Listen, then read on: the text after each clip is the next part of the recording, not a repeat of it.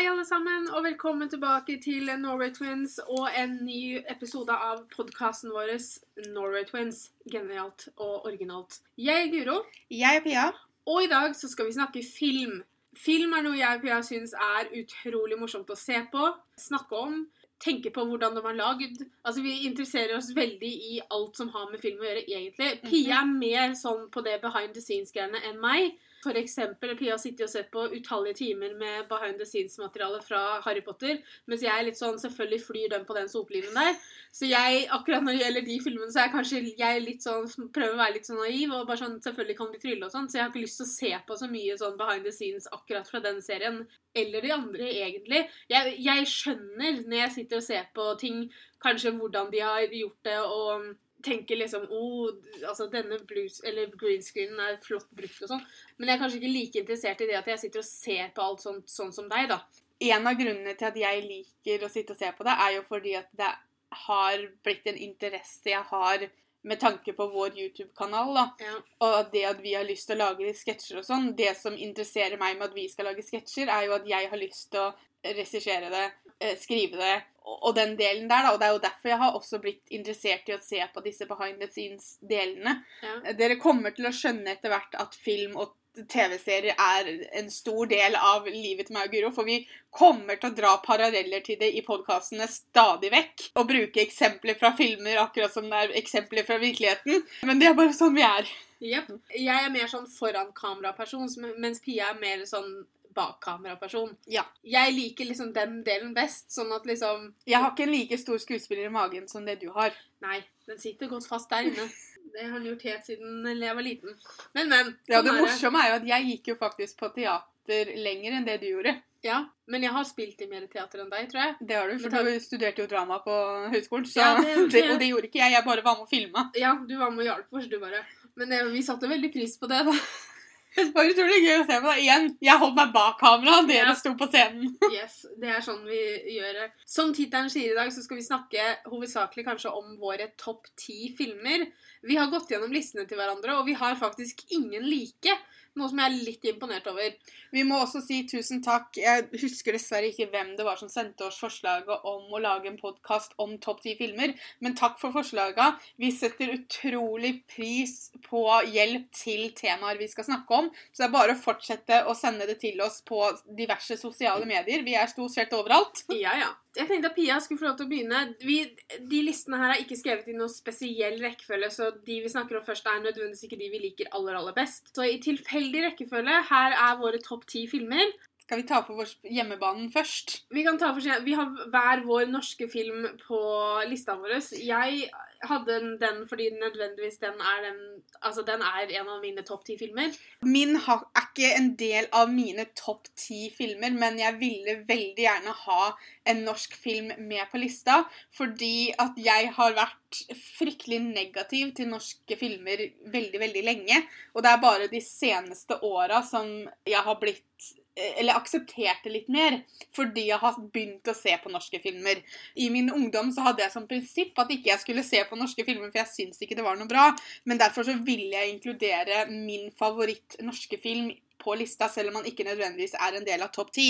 Og det er 'Askeladden i Dovregubbens hall'. Den er veldig bra. Hvis dere har fulgt oss på YouTube og Instagram og den verden der før vi starta podkasten, så har dere hørt meg snakke om den før. Vi har vel faktisk en egen video om den også, hvis ikke jeg tar helt feil. Jeg tror vi filma en sånn eh, Norway Twins ser film-type ting hvor vi satt og snakka om det. Den overraska meg veldig. Mm. Jeg så den sammen med Guro, mamma og Petter hjemme hos Guro og Petter på storskjerm i stua der. Noe som jeg syns at hvis man har sjansen til å se den på storskjerm, så bør man se den på storskjerm. Og det er litt fordi at en av de beste, la oss kalle det karakterene i den filmen, er norsk natur.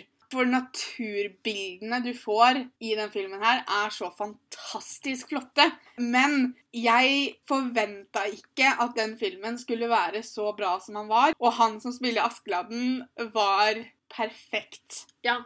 Jeg skal innrømme at Alexander Rybak hadde vært mer perfekt, fordi han ligner mer på Askeladden. Han ligner jo litt på Ask Askeladden, sånn som jeg har sett på Ja. meg. Det er jo pga. fela, altså. Han har alltid minna meg om Askeladden. Ja. Men Vebjørn Enger, som spiller Askeladden i eh, filmen vi snakker om, eh, var ufattelig flink. så utrolig morsom. De har jo skrevet Askeladden sånn som jeg alltid har forbundet Askeladden med å være. Litt Ja. sånn der, litt oppi skyene. Ja. Lever litt sånn oppi skyene og er ikke helt nedpå jorda der kanskje han trenger å være. Og derfor så går det jo ikke like bra for han hver gang, men han er jo, veldig han er jo en snill person som hjelper folk. Han tar vare på mye tull. Litt sånn som meg. Selv, samtidig, så, så fort jeg så filmen, så sa jeg vel faktisk det at Paul var mitt sånn spirit animal fra den filmen her. Han blir spilt av Elias Holmen Sørensen, som også var utrolig flink. Men Han var veldig morsom. ja, han, han var den morsomme. Han var den som liksom ble sliten etter tre skritt, ikke sant? Og hang etter hele tiden. Og hvem på meg, ja? Der har du meg. På en helt vanlig søndagstur så har du meg. Ja. Jeg henger alltid langt etter. Så har du Per, som blir spilt av Mats Sjøgaard Pettersen, som spilte denne litt sånn barske, til tider sure og irriterte broren utrolig bra. Men han hadde også sine øyeblikk hvor han var faktisk kjempemorsom. Ja, og spenningen mellom Askeladden og Per var jo også veldig bra spilt av dem begge to. Disse tre gutta fikk fram et søskenforhold veldig bra. Mm. Stående applaus for Askeladden i Dovregubbens hall. Ja, den var veldig morsom, da. Min norske film, som er helt klart en av mine topp ti filmer noen gang, er Bølgen. Igjen, hvis dere har fulgt oss på andre ting og ikke bare kommet inn i podkastverdenen vår, så har dere også hørt at jeg har snakka om Bølgen veldig mange ganger. Jeg har til og med en video på kanalen vår der jeg kledde meg ut som Bølgen til halloween. Um, og da selve Bølgen. Men jeg bare, første gang jeg så den altså Jeg forelska meg totalt både i Kristoffer Joner og hele filmen. Altså De spiller så fantastisk i den filmen. Jeg skal innrømme at jeg ble en smule skuffa over skjelvet, som da er oppfølgeren. Ikke nødvendigvis fordi det er en dårlig film. Jeg bare Uansett åssen du vrir og vender på det, så hadde en oppfølger aldri klart å leve opp til bølgen for deg. Fordi Nei, at du snakka jo ikke om noe annet i flere uker, måneder etterpå. Nei, altså jeg har sett Bølgen sånn rundt 20 ganger, tror jeg. Mm. Jeg Nå ligger den ikke- på Netflix òg, vet du. Jeg vet det. Og jeg er enda ikke lei. Jeg har sett den der to ganger. Jeg bare syns den filmen var fantastisk, og den satte en ny standard for norsk film. Mm. Norsk film tidligere for meg har vært veldig sånn prøvd å herme etter amerikanske filmer. Særlig actionfilmene. Mm, og så har det vært veldig mye sånn amerikansk type humor som Ja. ikke helt Og klarer litt sånn amerikanisert dialog. Det har vært litt sånn på halv tolv. da. Man har ikke helt fått det til. Bølgen, Syns vi, da, selvfølgelig. Selvfølgelig. Altså, Det her er vår Smak mening. og behag. Men med Bølgen så viste Norge og norsk film at ja, vi kan. Vi kan lage film, vi òg. Jeg liker hvordan du sier 'vi'. Jeg Har nødvendigvis ikke hatt så mye med den å gjøre, men jeg er da en nordmann, så, så jeg tar på meg litt credit. Men som sagt, Kristoffer Joner, Ane Dahl Torp, Jonas Hoff Oftebro og hun som spiller minstejenta, holdt jeg på å si, Edith ha Hagenrud Sande. Fantastiske folk som gjør den filmen her bare så utrolig bra. Og handlingen er bra. Actionsekvensene er at du, du sitter liksom med, med, med, med hjertet i halsen, og du liksom holder litt pusten. og Det kan også ha noe med det at det er mye vann der. Da, så du, du føler liksom at du må holde pusten sammen med karakterene. Jeg har sett eh, filmen, jeg, og jeg er veldig enig i det du sier, for at den var igjen overraskende bra. Ja, altså jeg, det, ikke sant? Hør på meg, jeg klarer nesten ikke å for, formulere ord her. For det, det tar så Jeg skjønner ikke helt hvordan jeg skal forklare hvor bra den filmen her er, egentlig. Så da skal jeg gi meg med å slutte å prøve. Bare vite at han er dritbra, og at man bør se. Jeg burde blitt filmanmelder, vet du. Neste jeg må ta for meg, er en av mine store kjærligheter her i livet, og det er Disney. Jeg elsker Disney. Dere kommer til å høre meg snakke om det utallige ganger antageligvis i løpet av podkastene. Vi har planer om en egen podkast om Disney også. Jeg driver og samler på disse klassikerne, og det er så mange bra, men jeg måtte plukke ut én, da valgte jeg. Så kommer Tangled, To på rømmen, på toppen. Jeg er en massiv fan av Zachary Levi. Jeg elsker Chuck-serien. Han har en sånn utrolig fi- Jeg elsker å høre ham synge. Enhver anledning som kan få Zachary Levi til å begynne å synge, er bare positivt for min del. Mm. Og det gjør han jo selvfølgelig i Tangled, for det er jo Disney, og det er sanger. Men jeg liker historien utrolig godt. Rar ting å si, men jeg liker kjemien mellom hovedkarakterene, mellom da Rapunzel og Ja, og det er litt rart å si med tanke på at det er tegnefilm. Altså, Jeg liker også måten de er tegna på. Jeg liker... Nei, altså, det, Altså, det jeg- nå, nå begynner jeg, da, for det er vanskelig for meg å forklare hvorfor jeg liker Disney. Altså, Jeg skjønner hva du mener, fordi at du glemmer på en måte at det er to skuespillere som har stått i hvert sitt rom og snakka. Du har på følelsen at de er i samme rom og snakker sammen. Og det er, jeg sier ikke at det ikke er det i andre filmer, men det er veldig fly, god flyt i dialogen. Og du glemmer på en måte at du sitter og ser på tegnefilm. Ja, Og det er det jeg liker med Disney, fordi at jeg glemmer lite grann at dette ikke er skuespill på samme mm. måte som ja, i Bølgen, da. Sangene er jo utrolig fine, og da har de jo også Mandy Moore, som faktisk også er både er sanger og skuespiller. Hun har vel egentlig begynt som skuespiller mer Hun har virkelig fått vist hva hun kan i Ja, This Is Us. ja, altså, det disse jo- romantiske komediene som hun har spilt i tidligere, har på en måte vært Altså, jeg, liker den, jeg liker den Chasing Liberty veldig godt, men, men det er jo sanger vi først For hun var jo på en måte på moten, for å kalle det det, når Ja. vi var unge. Ja, med Candy, eller hva det noe. Ja. Hvis jeg må velge en Disney-film, så, så blei det da Tangled. Litt av Zachary Levi og Mandy Moore, men mest av filmen i seg selv, da. Jeg har jo en Disney-film på lista mi, jeg også. Og det er Mary Poppins. Og da tenker jeg på originalen fra 1964, og ikke nødvendigvis eh, Mary Poppins Return, som var veldig, veldig fin ennå.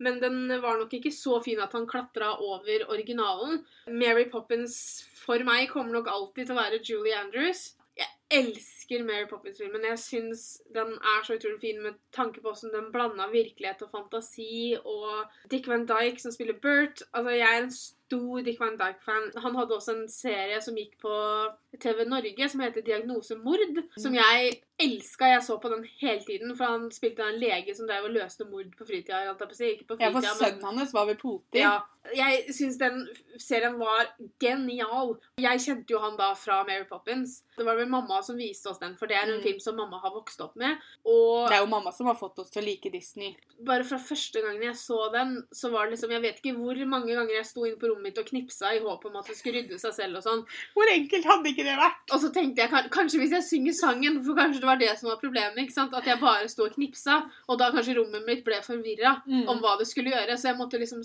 synge da 'Spoonful of Sugar' samtidig. Men det hjalp ikke. Jeg, knips, jeg kan stå der og knipse til evig tid, men det kommer ikke til å rydde seg selv, for jeg er ingen Mary Poppins. Jeg tror hvorfor jeg alltid har likt Mary Poppins, er fordi, og det satt jeg og tenkte på når vi var på kino og så på den nye også, Mm. er det at det her er jo sånn vi alltid har lekt. Vi har jo alltid brukt veldig mye fantasi når vi leker. Mm. Om sommeren skulle vi kjøre båten til moren og bestefar fra Moss og opp til hytta i Vansjø, så kjørte vi alltid fra dinosauruser langs vannkanten, og til en viss grad så tror jeg vi nesten så de samme dinosaurusene også.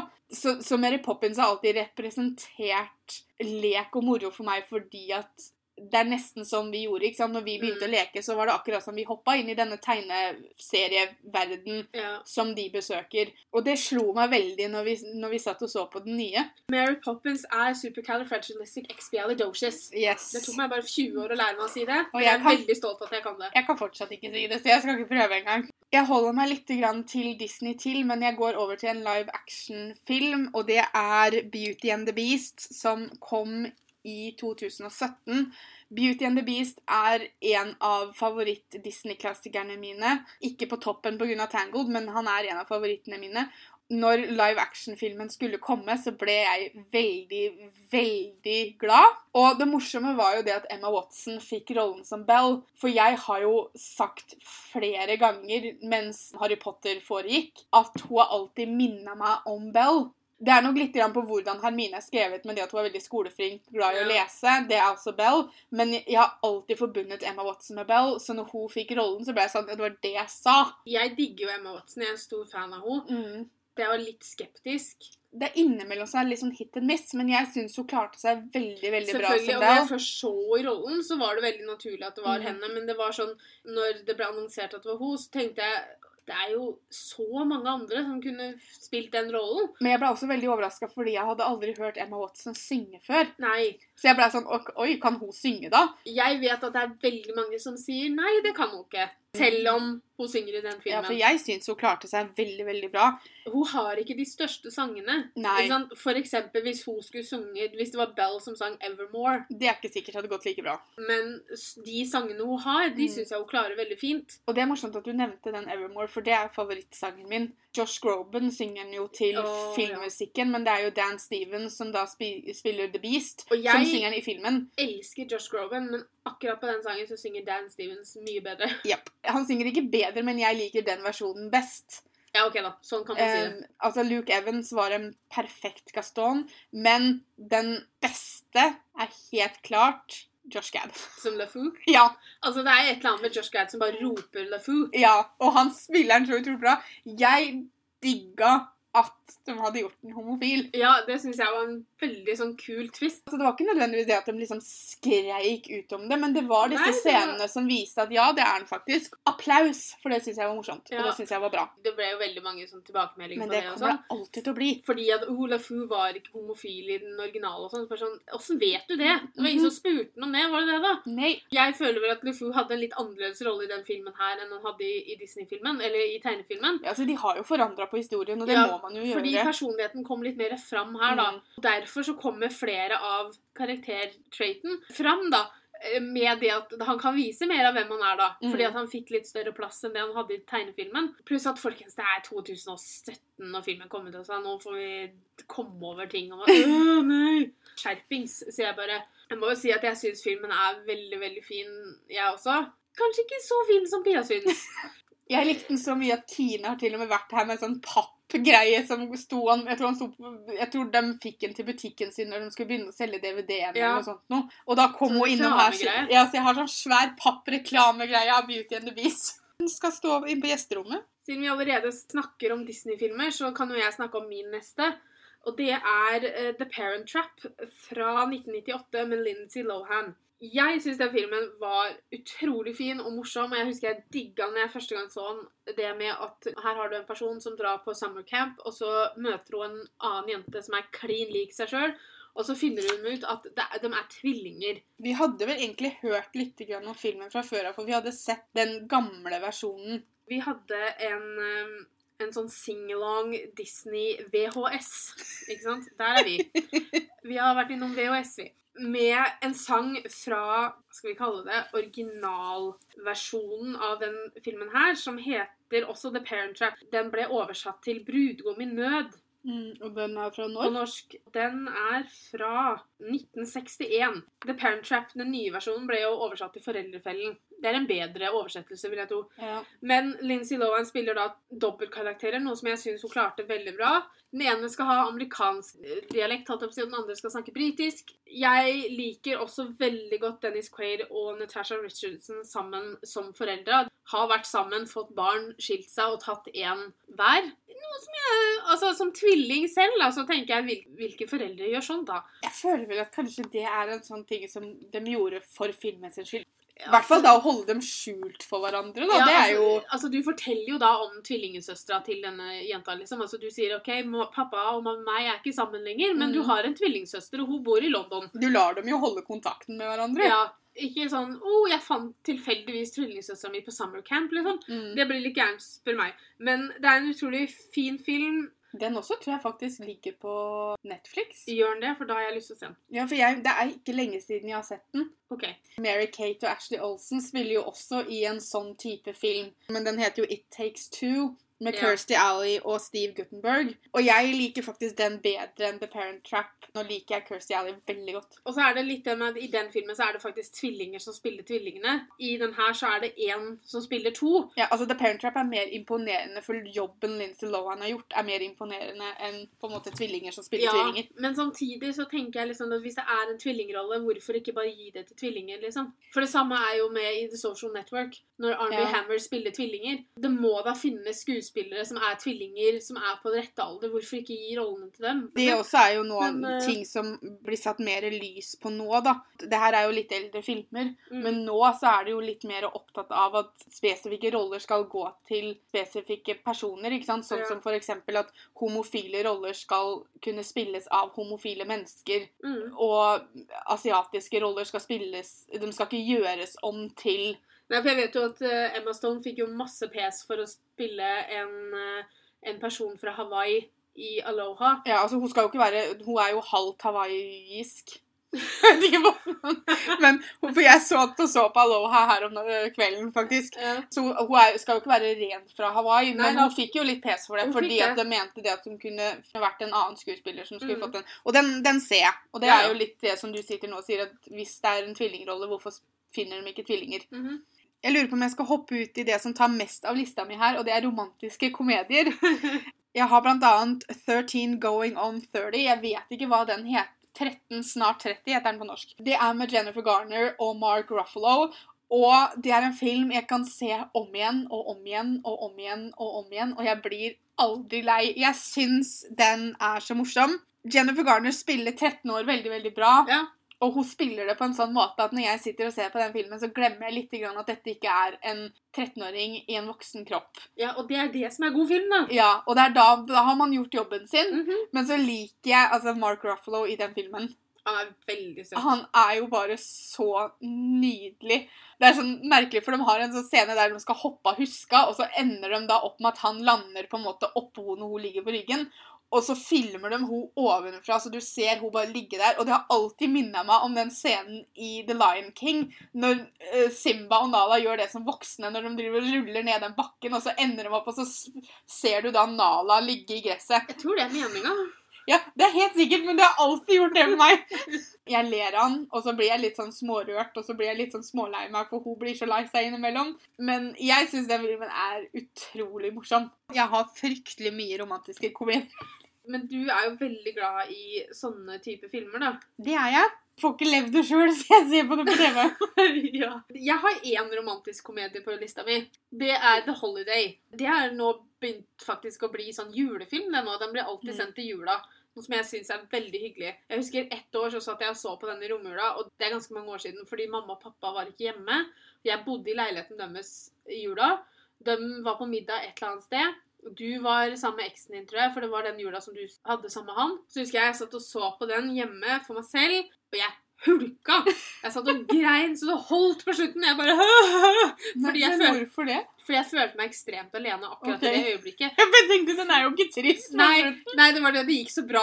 Ikke sant? ok. Så, så Ja. da ble jeg så glad fordi at det ordna seg. Og så følte jeg meg litt sånn alene akkurat da fordi mamma og pappa ikke var hjemme, og du var ikke hjemme og sånn. Så jeg satt da på sofaen for meg selv eh, og spiste potetgull eller et eller annet, og så så jeg på den, og da når det endte så godt, så måtte vi hulke litt. Jeg elsker Kate Winslet i den rollen hun har i den filmen, som Iris. Jeg elsker Cameron Diaz som Amanda. Jeg elsker Jude Law som Graham, og jeg elsker, elsker, elsker Jack Black som Miles. De fire hovedkarakterene i den filmen her er bare så utrolig godt satt sammen Mm. at det er på en måte vanskelig å forstå hvordan de har fått det til så utrolig bra. Miles er sånn Du mener jo det at jeg har en viss Mhm. type Du hadde falt hardt, og du hadde falt fort for han. Ja. Det, det er bare Jeg bare vet det. Jeg vet det så Jeg vet det langt inni meg. At uh, hvis du hadde vært med i den filmen her, så hadde du måttet slåss med Iris. Men i hvert fall, det er en utrolig fin film. Hvis ikke du har sett The Holiday, vær så snill, se på den. Hvis Du kan leie den på Viaplay. Den er altså så søt og så fin. Jeg føler at det her var kanskje det som starta sånn Airbnb-ting. Altså liksom folk, folk satt og så på den her og tenkte ah, det hadde vært en god idé. Business idea. Jeg holder meg på Mark Ruffalo og går over til en eh, film med han, og det er Just Like Heaven med Reece Witherspoon denne gangen. Han switchet up. Yes. Det er mye jeg kan si om Reece Witherspoon, og hvis jeg skal snakke ordentlig om henne, så tror jeg kanskje jeg hadde sittet her i hvert fall et par timer til. Så det skal jeg ikke gjøre, for jeg elsker henne. Hun er helt, helt, helt fantastisk. Det som jeg likte med den filmen her, og hvis ikke jeg tar helt feil, så lurer jeg på om en eller annen versjon av den her også har vært lagd før.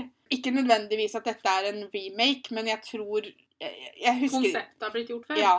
Å ha en romantisk komedie om en veldig, veldig deprimert fyr som forelsker seg i et spøkelse, er jo veldig, veldig Egentlig litt tragisk. Jeg holdt på å si morsomt, men jeg kom på midt i her at det er jo egentlig litt tragisk. Ja. Men det er jo en romantisk komedie, så du skjønner jo det, det skal jo være morsomt. Han kommer opp i noen underlige situasjoner som kanskje ikke mange kan kjenne seg igjen i. Noe som igjen også gjør det da veldig eh, morsomt. ikke så mye romantisk komedie, men kanskje komedie i hvert fall, er min neste film, og det er Game Night. Den så jeg for første gang i fjor, og jeg digga den. Så utrolig morsomt. Det er Jason Bateman og Rachel McAdams. De hadde veldig bra kjemi, og de, begge to er veldig flinke i komedier. Spesielt Jason Bateman er jo en fantastisk komiker når det kommer til film. Og det her er da en film om eh, to stykker som forelsker seg fordi de har like stort konkurranseinstinkt. Jeg føler at de hadde passa veldig bra inn i den vennegjengen her. Ja, det hadde du. Det hadde blitt litt krangling, men altså, sånn, det skjer. Um, og så De forelsker seg, og så fortsetter de da å ha game night hver uke. Og så er det da en game night som går litt av skaftet. Litt. Ja, det, Veldig. det blir litt sånn kaos. Jeg er veldig glad i komedier som Sånn litt sånn kaoshumor, det har jeg veldig Altså, jeg syns det er veldig gøy. Det er veldig gøy med vitser og kommentarer og sånne ting også. Men når det blir sånn kaoshumor, sånn nå går alt i stå, og det er ingen som egentlig har kontroll på noen ting, da ler jeg godt. Ja, Da, det syns jeg er veldig, veldig gøy. Og det er spesielt én scene i den filmen her hvor Jason Bateman har blitt skutt, og hun skal liksom ta ut en kule av armen hans i en sånn bakgård, fordi de har vært og kjøpt eh, utstyr på en bensinstasjon til å gjøre det her. Den scenen syns jeg var så utrolig morsom at jeg hadde egentlig lyst til å spole tilbake og se den en gang til uh, når han var ferdig, fordi jeg bare syns den var genial. Og det er to personer i scenen. Det er en ganske enkel scene sånn sett, men igjen litt sånn kaos. Det er masse, masse morsomme mennesker. Eh, Kyle Chandler, som kanskje de fleste kjenner fra Friday Night Lights. Og hva het den scenen han hadde som gikk på TV3 når vi var yngre, Pia? Søndagsposten eller et eller annet. Han som fikk Ja. avisa om morgenen, og så var det liksom hva som skjedde den dagen, så han Mm. kunne liksom stoppe det og sånn. Ja, det var noe sånn søndags... Ja, det var en katt som kom med den søndagsavisa, Mm. og så fikk han liksom vite hva som skulle skje den dagen før det hadde skjedd. og sånn. Jeg kjenner i hvert fall han mest fra sånn eh, dramatiske ting. Ja. Eh, men han spiller veldig bra i den filmen her også. Jeg likte Billy Magnussen som best. Ja, Jeg tror jeg snakka om det rett etter at vi hadde sett film, eller etter at jeg hadde sett filmen. Mm. At han er liksom Jeg liker ikke å kalle folk dumme, da, men han er dum. Lite smart. Han er, han er liksom på den laveste, nederste delen av smarthetsskalaen, kan man jo trygt si. Og spiller det genialt, men han blir også en sånn karakter som du ikke klarer å la være å bry deg om. Mm. Fordi at du føler at du må liksom beskytte den litt da, fra seg selv, egentlig. De har satt sammen det her utrolig bra. Uh, Lemorne, tror jeg han sier navnet sitt. Morris. Det var han som spilte Jeg har glemt hva han het på New Girl, men han spilte New- Winston Mm. het han, i New Girl. Han også spiller veldig, veldig bra. Nei, det, hele casten er egentlig satt sammen genialt. Det er utrolig morsomt da å se på film når alt fungerer. Jeg holder meg nå til Reece Witherspoon. Jeg liker hvordan jeg klarer å ha en sånn litt sånn connection mellom filmene her, men det slutter nå, da. Men eh, siste er en film, en ganske gammel film, som heter A Far Off Place, som kom i 1993. Det er med Reece Witherspoon og Ethan Embry. Og de er ganske, ganske unge. Dette er ganske i starten av skuespillerkarrieren deres. Hvis ikke jeg tar helt feil, så lurer jeg faktisk på om dette er en Disney-film Det er det. Jeg vet ikke om jeg vil kalle det en romantisk komedie i det hele tatt. Eh, Jeg har alltid sett på filmen som veldig romantisk, men Mhm. det er bare fordi at det er jo litt kjærlighet inne i bildet, selvfølgelig. Når jeg så den første gangen, for det her også er en sånn film som jeg så fordi at han gikk på TV3 en eller annen gang. De var så unge, og så allikevel så gikk de, går de gjennom noe som er veldig, veldig skummelt. Det er ikke nødvendigvis en thriller sånn sett. Det står drama. Ja. Adventure-drama. Det er nok mer riktig. For å være så unge, og det er liksom det jeg hang meg veldig opp i når jeg, var, når jeg så den første gangen, var at de var så unge, og allikevel så spiller de utrolig bra. Og Ethan Embry og Reece Witherspoon spiller jo også sammen i mange år senere i Sweet Home Alabama. Ja, Som også er en veldig fin film. Mhm. Den er litt mer romantisk komedie. Ja, Pia er veldig glad i den filmen her. Jeg husker at jeg likte den første gang jeg så den. Jeg husker ingenting av den i dag. Å nei, jeg har sett den mange ganger. Men åssen har du sett den mange ganger? Har du den på DVD? jeg vet at vi hadde den på DVD, men det er en sånn med sånn um, så jeg får ikke Ja. sett på den på den DVD-spilleren jeg Vi- har i dag. Vi har vært med på det, og vi skjønner soner på DVD-ene. Uh, så jeg har veldig lyst til å se om jeg kan få kjøpt meg en ny, men jeg, hvis ikke jeg husker helt feil, så om han ligger der fortsatt, det vet jeg ikke, men han lå på YouTube en liten periode. Ok. Ja, nei, for jeg, jeg skal helt ærlig innrømme at jeg husker ingenting av denne filmen her. Jeg husker alt. Ja, Men det, det er en grunn til at han står på din liste, og ikke min, Ja. da, for, for, for å si det sånn. Jeg tar den tilbake litt mer enn det Pia gjorde. Pia gikk til 93, jeg går til 1952. Og skal nå snakke om det jeg er ganske sikker på at er min favorittfilm over alle. Den slår til og med Harry Potter. Jeg vet at det er litt sånn vondt å si, men det, jeg tror faktisk han gjør det. I hvert fall så er det delt førsteplass på alle sammen. Det er 'Singing in the Rain'. En film igjen som mamma viste oss når vi var små. Mamma var, var, veldig glad i musikaler, og jeg har også blitt veldig veldig glad i musikaler. Har alltid vært det. Det med å synge og danse og sånn, det er et eller annet som gjør at det Nei, det bare er så fristende for meg. Altså, jeg hadde ønska at hverdagen min var en musikal. At jeg sto opp og sang en liten sang da, om hvordan jeg var trøtt eller noe. 'Singin' in the Rain' er en utrolig morsom film. Igjen veldig bra skuespillere. Du har Gene Kelly, den store legenden, som Don Lockwood i hovedrollen. Og Gene Kelly var jo en triple threat.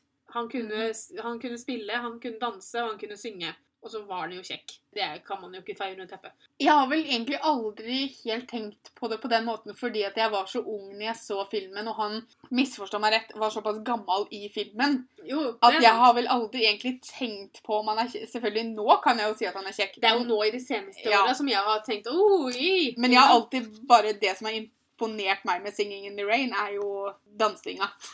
Steppinga. Ja jeg altså, kan og kan. Jeg kan danse sånn at jeg vet åssen jeg skal følge rytmen. Drømmen folkens, er å være med på Skal vi danse. Og jeg vet at man må være kjendis for å være det. Det er derfor jeg sier drømmen. Men drømmen er å være med på Skal vi danse, for jeg har veldig lyst til å lære å danse. Det å kunne steppe sånn som de bruker veldig mye i Singing in the Rain, det ser litt sånn umulig ut for meg. Mm -hmm. For jeg tror ikke hjernen min og beina mine jobber så godt sammen at beina mine kunne beveget seg så fort under kontroll. Mm -hmm. Altså, De kan sikkert bevege seg fort, men da tror jeg ikke jeg vet hva jeg gjør det er jo da Debbie Reynolds som spiller den kvinnelige hovedrollen. Hun var jo så søt altså i den filmen her. Hun, mm. jeg tror hun var ganske ung når hun spilte inn. Skal vi se når Hun er Hun er født i 32, så hun var bare 20 år når hun spilte inn. Noe som syns på en måte, fordi hun er veldig søt og veldig mm. ung. Men igjen, veldig god kjemi både med Gene Kelly og Donald O'Connor, som spiller Cosmo Brown. Det her er jo en av de filmene som starta liksom dette trekløvergreiene. Ja. Liksom.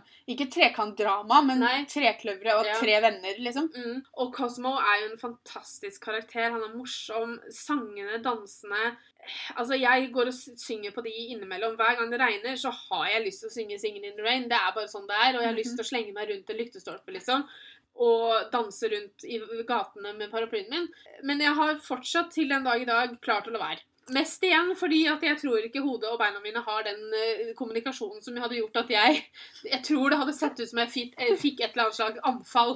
Og så hadde jeg stoppa trafikken og sånn, og det har jeg jo ikke lyst til bare fordi det regner. Jeg tenker at det skal uh, folk få lov til å slippe, og måtte stoppe og skulle hjelpe meg for at det ser ut som jeg har spasmer ute i veien her.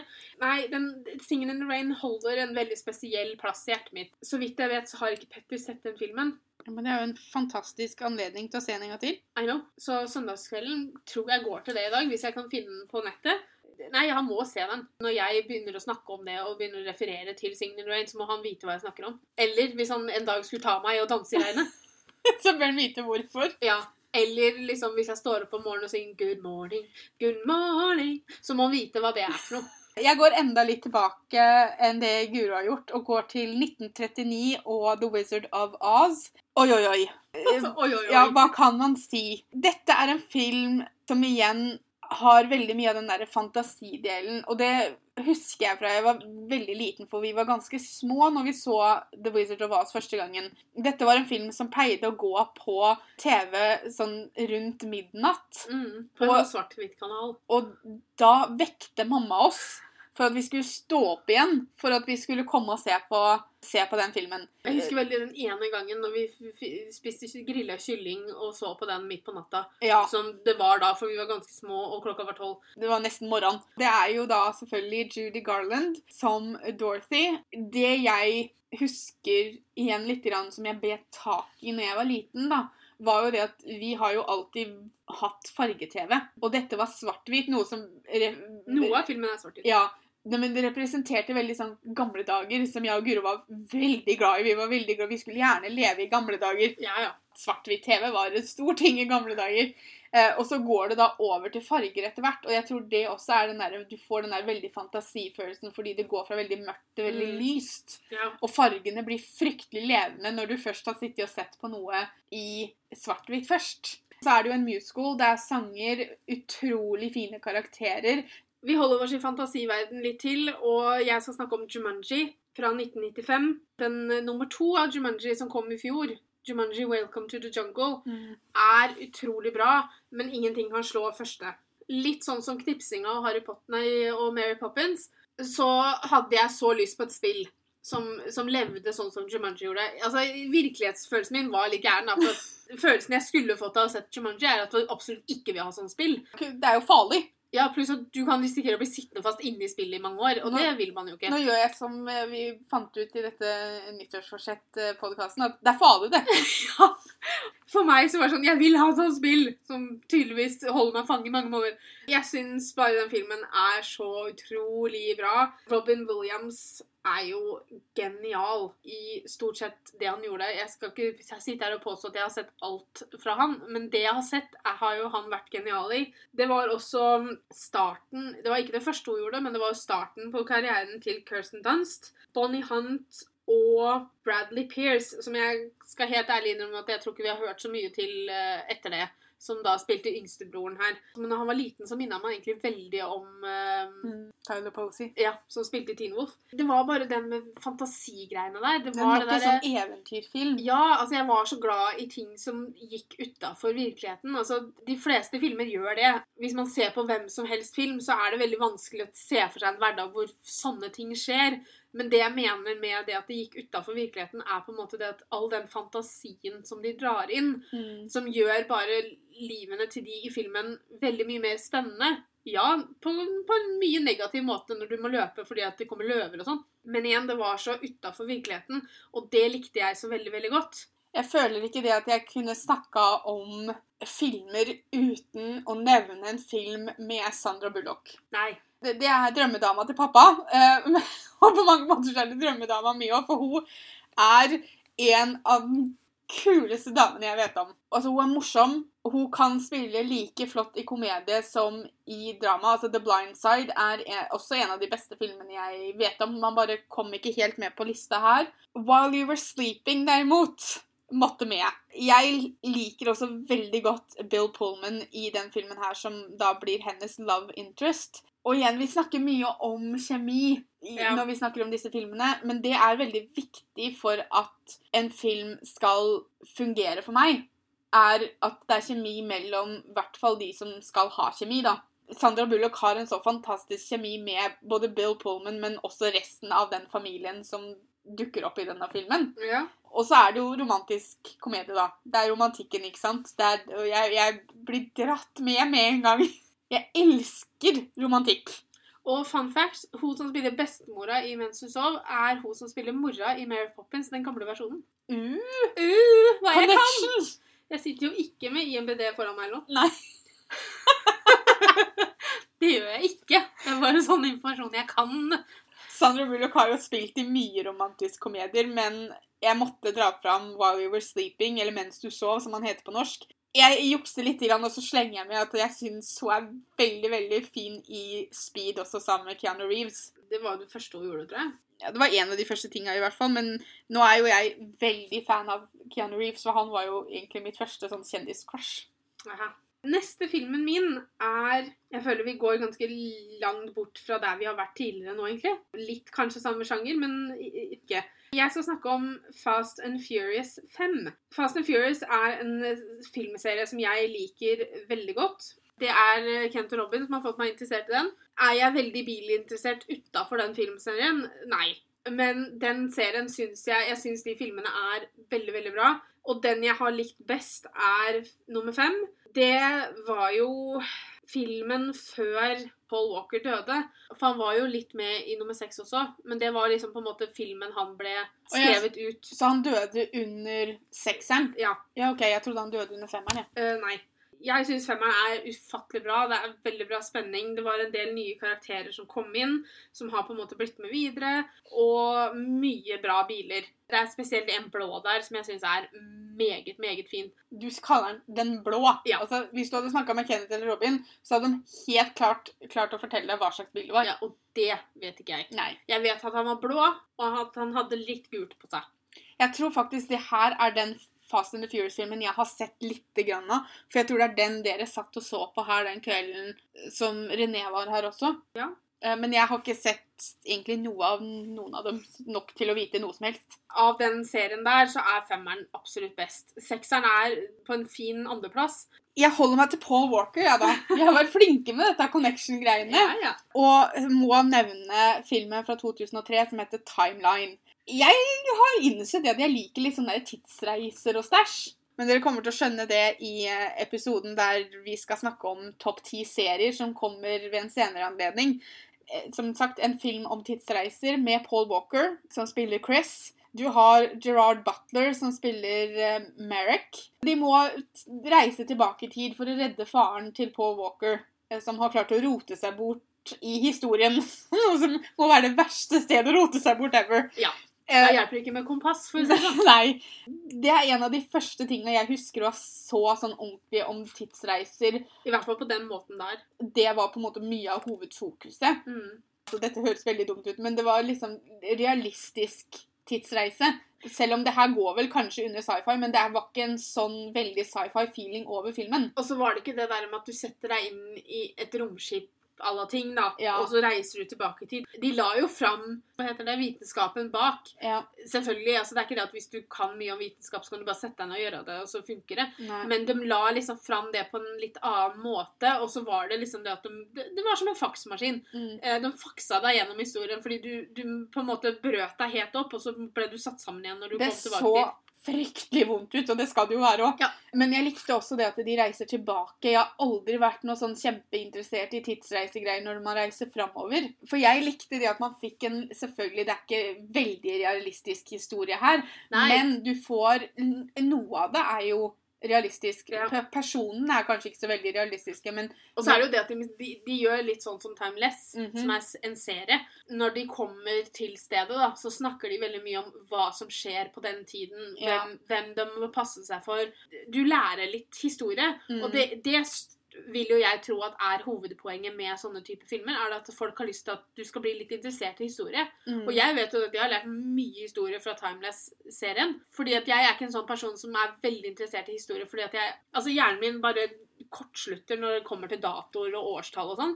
Jeg har blitt mer interessert i det pga. Timeless. Hvis jeg kan lære historie sånn, hadde jeg kunnet lære historie ved å reise tilbake til historien, så hadde det jo ikke vært noe problem. Da kunne jeg tenkt sånn Jo, der var jeg på mandag. Ikke sant? Hva Mhm. skjedde på mandag? Jo, da var jeg i sånn og sånn og gjorde sånn og sånn. Det setter historie som er veldig viktig å huske på og kunne, da. I et veldig Du lærer det på en morsom måte. Aha! Det liker vi.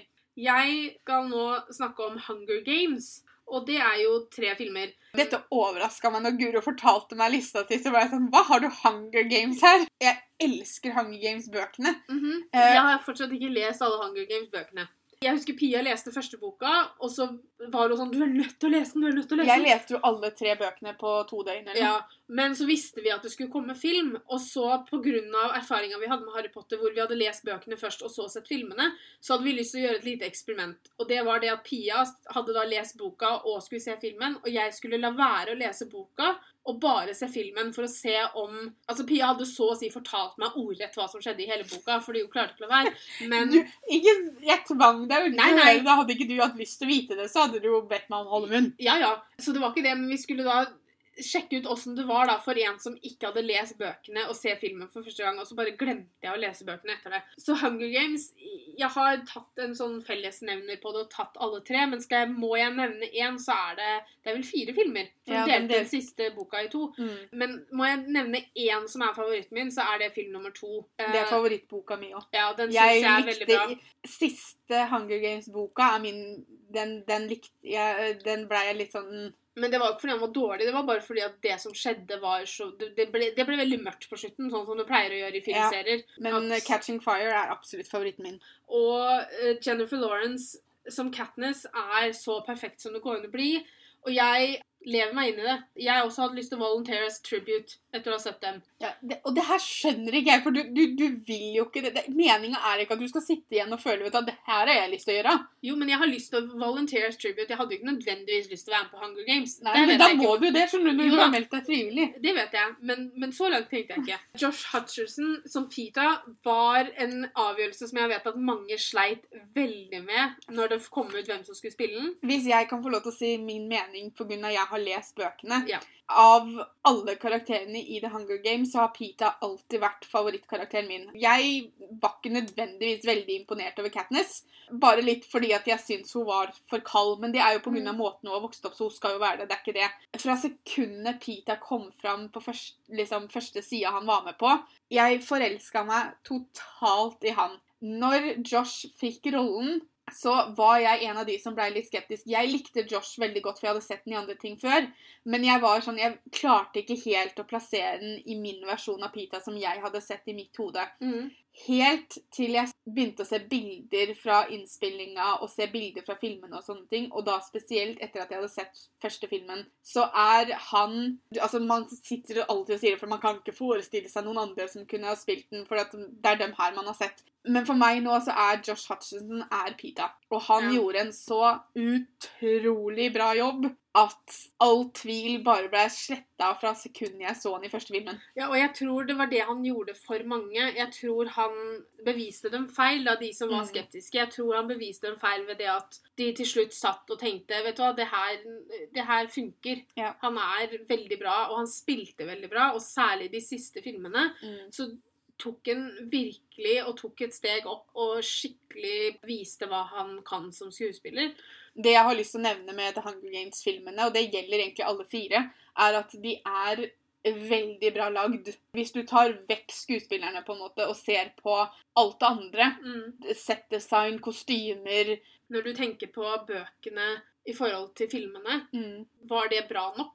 For meg så var det det at når jeg leste bøkene Jeg klarte å se for meg karakterene. Mm. Jeg klarte aldri å se for meg Panem, altså byen. Nei, men det Fordi det at den er såpass La oss kalle det speisa, da. Mm. At jeg klarte aldri å se for meg den fordi at det jeg, Der stoppa fantasien min meg. Ja. Fordi at det blei en så rar greie. Så for meg så syns jeg de har gjort en kjempebra jobb. Den blei like speisa, og kostymer og sånne ting også er like spasa som jeg hadde forestilt meg, fordi jeg ikke klarte å forestille meg det. Mm. Ja. Hvis men det er logisk. Den skjønner jeg. For det er mange som mente liksom dette er veldig overdrevet kostymer, og hvorfor er de Mm. sminka sånn, men det er sånn det er i bøkene. ja. Jeg har jo ikke lest bøkene, som sagt, men jeg ser for meg at det er sånne ting som kunne vært vanskelig å sette for seg Mm. Under en beskrivelse. At du må faktisk se det for å liksom skjønne For det er ikke på samme måte Greia. som å beskrive et menneske. Ikke sant? Du kan beskrive et menneske, hun har langt, brunt hår, hun har på seg en grønn jakke, hun går med pil opp Ikke sant? ja. Det, en, å beskrive en by blir så mye mer vanskelig. Ja, men uh, i hvert fall filmene er uh, top notch. Uh, selv om det overraska Pia litt at det var jeg som sier det, så syns jeg de er utrolig bra. Siste filmen min er fra 1995. Det er Sense and Sensibility. Fornuft og følelser, som det heter på norsk. Ja, ja. Vi har begge deler, har vi ikke det? Vi har både fornuft og følelser, Vi har begge deler. Den er basert på en Jane Austen-novelle. som heter det samme. som heter det samme.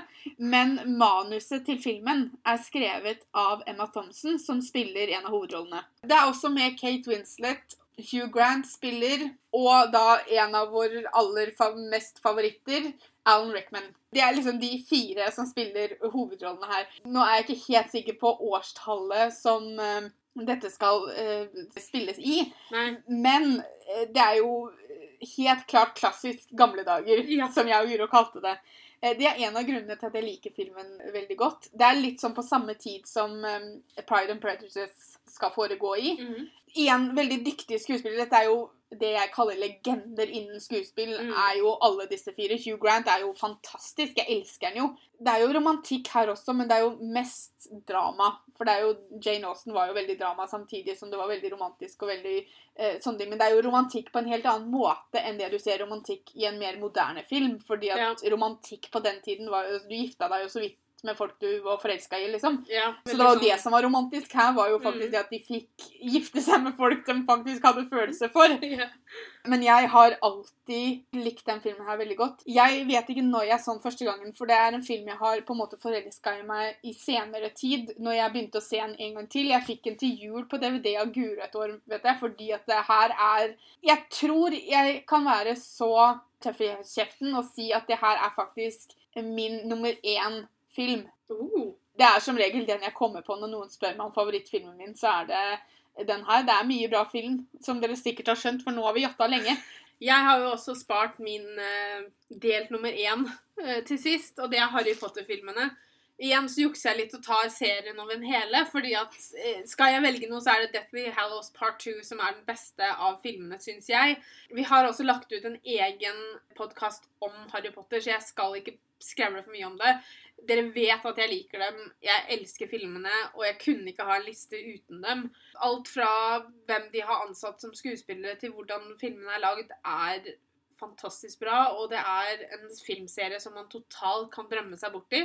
Jeg tror at hvorfor jeg ikke har tatt dem på lista mi, er det at jeg kommer alltid til å foretrekke bøkene over filmene. Det gjør jeg jo, men samtidig så er jeg så glad i filmene at jeg kunne ikke la være. Nei, men du har et litt annet forhold til det enn det jeg har, da. Ja.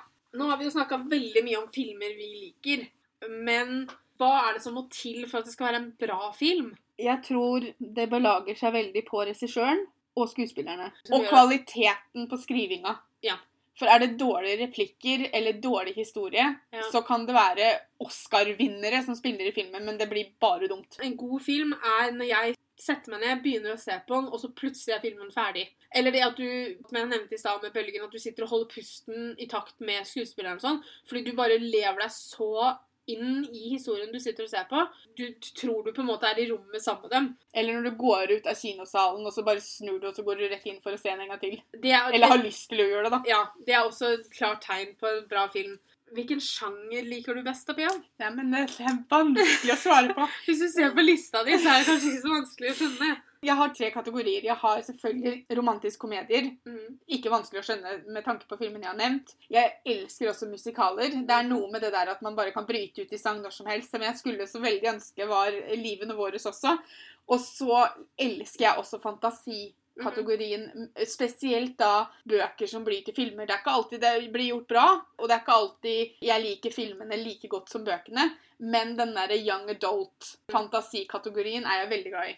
Jeg liker komedier. Trenger nødvendigvis ikke å være romantiske. Action og musikaler. Jeg er litt mer på den action-sida. Det kan gjerne være sci-fi og fantasy og sånn, men, men jeg kan, sånn som Mission Impossible syns jeg er veldig bra. Fast and Furious, altså sånne type filmer da, syns jeg er veldig bra. Sjanger vi ikke liker, der tror jeg vi er ganske enige. Og det er liksom skrekkfilm. Det er veldig mye bra der også, men jeg liker ikke å se på det. Jeg hater Fordi skvette. Jeg kan jeg, ikke se ja, sånt. det er sånn som Guri sier. Jeg hater å skvette, jeg hater å være redd, og jeg hater å sitte med den følelsen av at herregud, hva skjer nå, hva skjer nå, hva skjer nå? hva Altså, skjer nå? jeg blir jo sint hvis jeg skvetter. Ja, Særlig hvis noen skremmer meg, så blir jeg veldig sint. A Quiet Place er vel den siste skrekkfilmen jeg så, og det er en fantastisk bra film. Men jeg sitter jo med puta foran øya og holder meg for øra, og det Ja, ikke sant? holder på! Altså, Jeg og mamma var på kino og så på 13 Ghosts. Det her er lenge siden. Ganske sikker på at det var sånn tidlig, tidlig 2000-tallet, hvis ikke det var 1999 eller noe. Og satt med tomlene i ørene, og så satt vi med resten av henda foran ansiktet, for vi, altså, det holdt tydeligvis ikke å lukke igjen øya, da. Nei, Man stoler ikke på at man holder dem lukka igjen. Man må liksom fysisk holde dem igjen. Ja, Det så skikkelig teit ut. Der satt det to, en voksen dame og en ganske Ikke voksen, men en, en Ungdom. ungdom som satt sånn og bare «Å, det vil ikke se! Ikke sant? Det ble jo så rart. Og vi, altså jeg tror vi så kanskje altså Jeg tror vi hadde øya oppe og så hele skjermen kanskje ti minutter av hele filmen. I skrekkfilmer så ser man alltid når det er lyst. Ja, ikke sant? Å, nå er det lyst. Å, nå er, nå er musikken rolig og sånn. Nå kan vi puste litt, så kan vi se litt. ikke sant? Nei, sorry, beklager, men det er ikke noe for meg. Petter så på en trailer til en film her om dagen. The Nun. Mm. Ikke sant? For det første, Den dummeste replikken jeg har hørt noen gang, var at det var en nonne da, Mm. som sto og forklarte at hun hadde besøkt et uh, kloster, og så så en nonne. Jeg bare Det er der de skal være! Det er ikke så rart! Hun mente jo sånn spøkelsesnonne, da, men det sa hun ikke. Jeg satt omtrent med liksom nesa oppi iPaden ikke sant, for ikke se noe på den traileren. Og så skvatt jo Petter noe så sykt, for det var et eller annet som skjedde. Og fordi jeg ikke fulgte med, så skvatt ikke jeg. Men jeg bare kjente at han liksom bare rista ved siden av meg. Jeg bare Nei, nei, nei, orker ikke. Få noe koselig. Vi pleier jo å avslutte podkastene våre med spørsmål fra Instagram. Denne gangen så har vi spurt dere om å fortelle oss om deres absolutt favorittfilm, og tenkte vi bare skulle lese opp noen eksempler fra dere nå på slutten. Første er Rain Man. Det er jo da Dustin Hoffman og Tom Cruise. Jeg tror jeg har sett filmen. Jeg har sett den én gang. Jeg unngår visse typer filmer for jeg vet at jeg blir så rørt av å se på den. Jeg vet ikke om det er Rain Man, men OK. Jo, jeg er ganske sikker på at jeg husker at jeg grein av den. Okay, ja, ok. Jeg vet jo at mange er veldig glad i den filmen, mm. så kanskje han hadde vært verdt å se en gang til. Hvem vet? Så har vi Avatar. Den tok det meg lang tid før jeg så, men jeg har sett den. Ja, jeg så den på kino. Men det skal vel nå komme en toer, men altså, det er jo 140 år siden han Altså, kom første. da. Avatar kom i 2009. Det hadde jo tatt dem evigheter å lage den. Mm. Jeg tror det var samme året som den kom ut, så var det liksom sånn at det skal komme en oppfølger. Men nå mener jeg at jeg har begynt å se litt bilder Ja. fra settet og sånn, så jeg tror de jeg tror han begynner å nærme seg slutten. i år, faktisk. I år eller neste år. Så det tar jo cirka, Jeg tror det tok ca. ti år for dem å lage første filmen også. Så Ja. tar det liksom nå Har det gått ti år, så nå, nå har de snart ferdig med toerne. Jeg håper jo ikke det blir så mange filmer, da, for da begynner det å gå noen år, så kanskje ikke jeg får sett dem siste. Det er jo en revolusjonerende film med tanke på måten han er lagd. Ja, det er en utrolig flott film, men jeg, når det tar så lang tid mellom hver film, så blir jeg litt sånn at jeg glemmer det. Så kommer det en film som du har sett, og det her, den her var det flere som sa, og det var Wonder. Åh, den er kjempefin. Hadde vi bare skulle snakke om våre topp 11-filmer, så hadde den kommet med på lista. Jeg måtte stryke den for at jeg kom på en annen film. Men jeg har lest boka, og jeg leste boka før jeg så filmen. Boka er bedre, men filmen var også utrolig bra. Jeg prøver å få mamma og Guro til å se den, men de kjemper imot her. Nei, altså, jeg kjemper ikke så mye. Jeg bare har ikke rota med det. Så er det Kyss meg. Er ikke det den Netflix-filmen, tro? Og er det Kissing Booth? Ja, og det er med Joey King. Den har jeg sett. Den er faktisk veldig bra. Jeg har ikke sett den. Har du ikke sett den? Overraskende nok. Den er faktisk verdt å se, altså. Jeg har den på lista mi over filmer jeg skal se på Netflix. Så har vi fått en film som heter Alex, og jeg vet ikke helt hva det er. Nei, ikke jeg heller. Den var det veldig vanskelig å søke opp på IMBD, for da kommer det bare masse det- Alexander og sånn. bør jo ikke være Det kan jo være noe norsk noe, eller noe sånt noe. Jeg vet ikke. ikke? Så er det da Snøfall. Det også er jo en skrekkfilm, er det ikke det? Snøfall, da kommer det opp en TV-serie. Så er det The Departed. Jeg har ikke sett den. Jeg har sett klippene, men jeg har ikke sett Ja. hele. If I Stay derimot, som er neste film, den er fin. Er det også en Netflix-film? Jeg vet ikke om han ligger på Netflix, men jeg lurer på om han ligger på Viaplay. Aha. Så har vi Hedwig and the Angry Inch. Det her er jo også en Broadway-musikal. Og jeg har ikke sett filmversjonen. Jeg har ikke sett Broadway-versjonen heller, så det var feil å si det sånn. Jeg har bare hørt om den fordi at det har vært en del kjente skuespillere som har spilt karakteren på Broadway. Ja, Darren Cress spilte vel en Ja, liten periode. Patrick Harris. Jeg føler at det er mye vi ikke har sett på lista her. Fifty First Dates, den har vi sett, og den er vi glad i.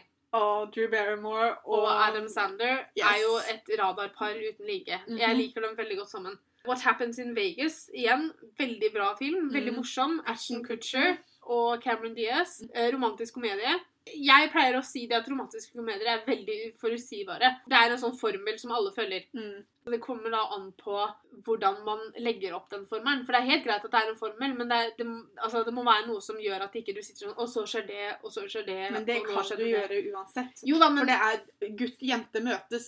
Det er ikke alltid de blir sammen, men noe skjer så de begynner å krangle eller må gå fra hverandre, eller hva det måtte være, og så kommer de sammen igjen til slutt. Ja, men det er liksom hvordan de kommer seg til disse stedene, da, disse Ja. faste holdepunktene, som gjør at om det er bra eller ikke. Mary Poppins, jeg antar at det er den gamle versjonen, eller den nye, det vet jeg ikke. Begge to er veldig fine. Askepott, det kan jo da både være tegnefilmen eller den ekte filmen. Ja, jeg har sett den ekte filmen, og jeg har prøvd å finne den nå, for jeg hadde veldig lyst til å se den på nytt, fordi at jeg har fått en litt sånn love for han Richard Madden. Etter at han vant en Golden Globe, så har jeg sett et par ting med han. Eh, Kjekk fyr. Um, så jeg hadde lyst til å se den Askepott-filmen en gang til, eh, men den tror jeg ikke ligger noe sted. Men ellers er jo også Disney-klassikeren veldig fin, da. Ja. Så er det Sonja Hennie, tror jeg hun sier navnet sitt. En norsk film som kom i fjor. Om da Sonja Hun er vel kunstløper, men så slo hun igjennom som skuespiller også i USA. Hvis jeg forsto traileren riktig.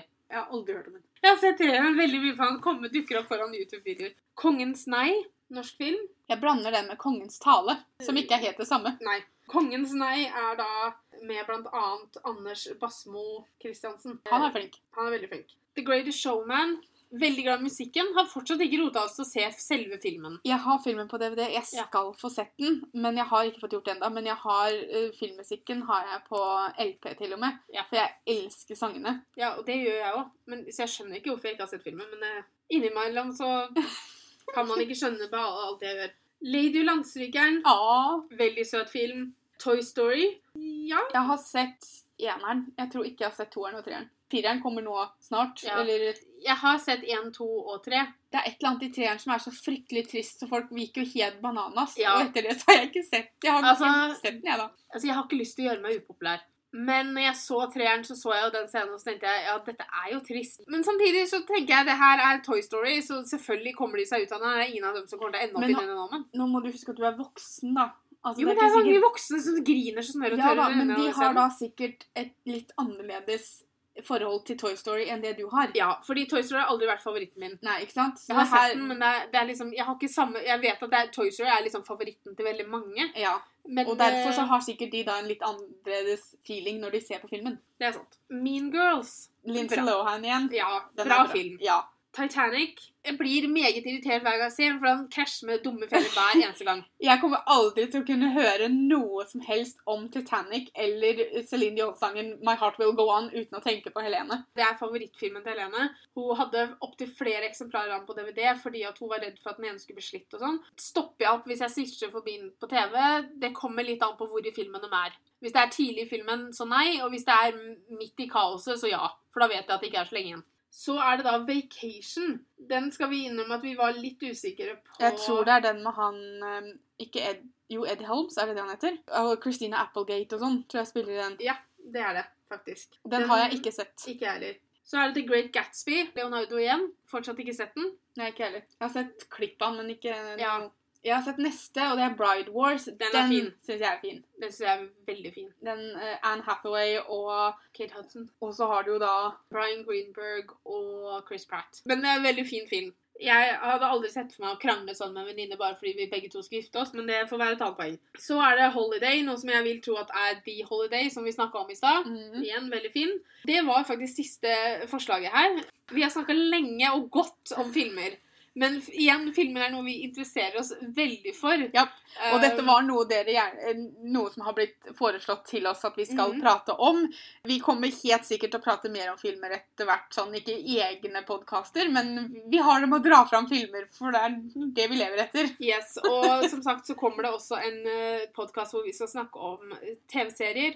For da kommer vi også til å sende ut en sånn som vi gjorde nå, om at liksom dere skal fortelle oss deres favorittserier. Så hvis dere har lyst til å være med på den og få sagt deres favorittserie som vi kan snakke om i den podkasten, så gå og følg oss på Instagram.